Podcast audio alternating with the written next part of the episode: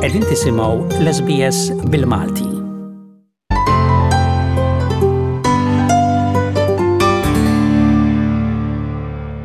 Sikwit nitkellmu u naqraw dwar il-ħsara ta' xorb żejjed, imma nstab li xorb alkoħoliku b'moderazzjoni fost in-nies anzjani fl-Awstralja inaqqas il-periklu tal-mard tal-qalb.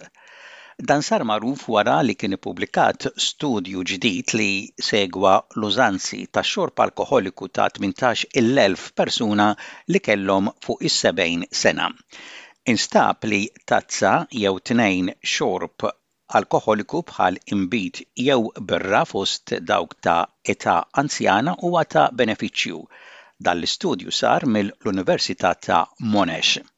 Il-Professur Joanne Ryan mill-Iskola ta' Monash għall-Mediċina Preventiva li kienet ko-awtur ta' dan ir-rapport tgħid li fost l-anzjani ta' 70 sena f'qagħda tajba ta' saħħa sabu li x-xorb moderat ta' l-alkoħol naqqas il-periklu ta' mewt minn kaġunijiet diversi u mard tal-qalb. So we found that in a study of older individuals who were healthy older individuals aged 70 years and over that moderate alcohol consumption was associated with a decreased risk of dying from any causes and better heart health. Aktar minn 18 il-elf persuna ħadu sehem f'dan l-istudju mill-Awstralja u l-Istati Uniti. L-età medja tan-nies li ħadu sehem kienet ta' 74 sena. L-istudju jirrakkomanda xorb moderat ta' bejn ħames u għaxar tazzi standard kull ġimgħa jew tazza jew tnejn kuljum. Il-Professur Ryan tgħid li l-istudju kkonċentra fuq xorb f'moderazzjoni u nies li kienu f'qagħda tajba ta' saħħa. this was a group of individuals who had reached 70 years, they were in relatively good health, um, they probably had a lot of other uh, good health behaviours. And so, in those individuals, we did find that this low to moderate amount of alcohol did no harm. So, it did reduce their risk of dying from any causes, did reduce their risk of cardiovascular disease. But we really can't conclude anything about heavy alcohol drinking, and we know from other studies that heavy alcohol drinking is detrimental.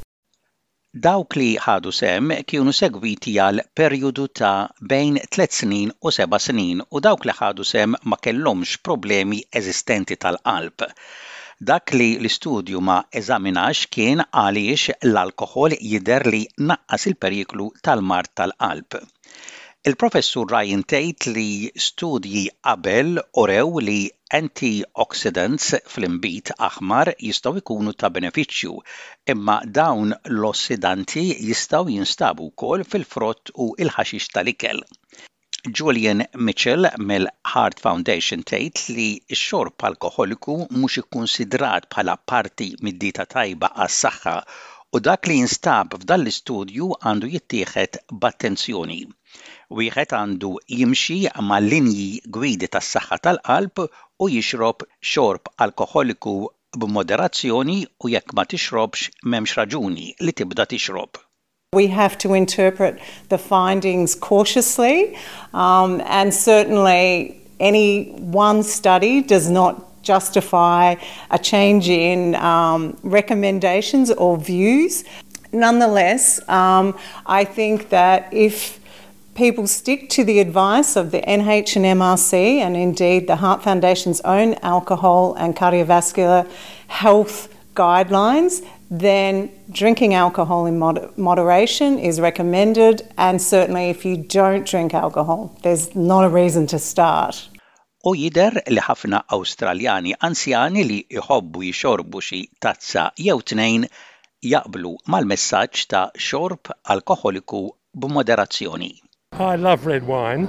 I'm not, I don't like Chardonnays and things, so I do drink red wine, maybe a third of a glass every other day. I enjoy a drink, but I come from Mildura and it's always hot up there. And if I do a day's work, I like to have a couple of stubbies. We eat as well. That's why we drink and eat. We don't get drunk. That's, we just in for pleasure, and uh, we don't. We feel good.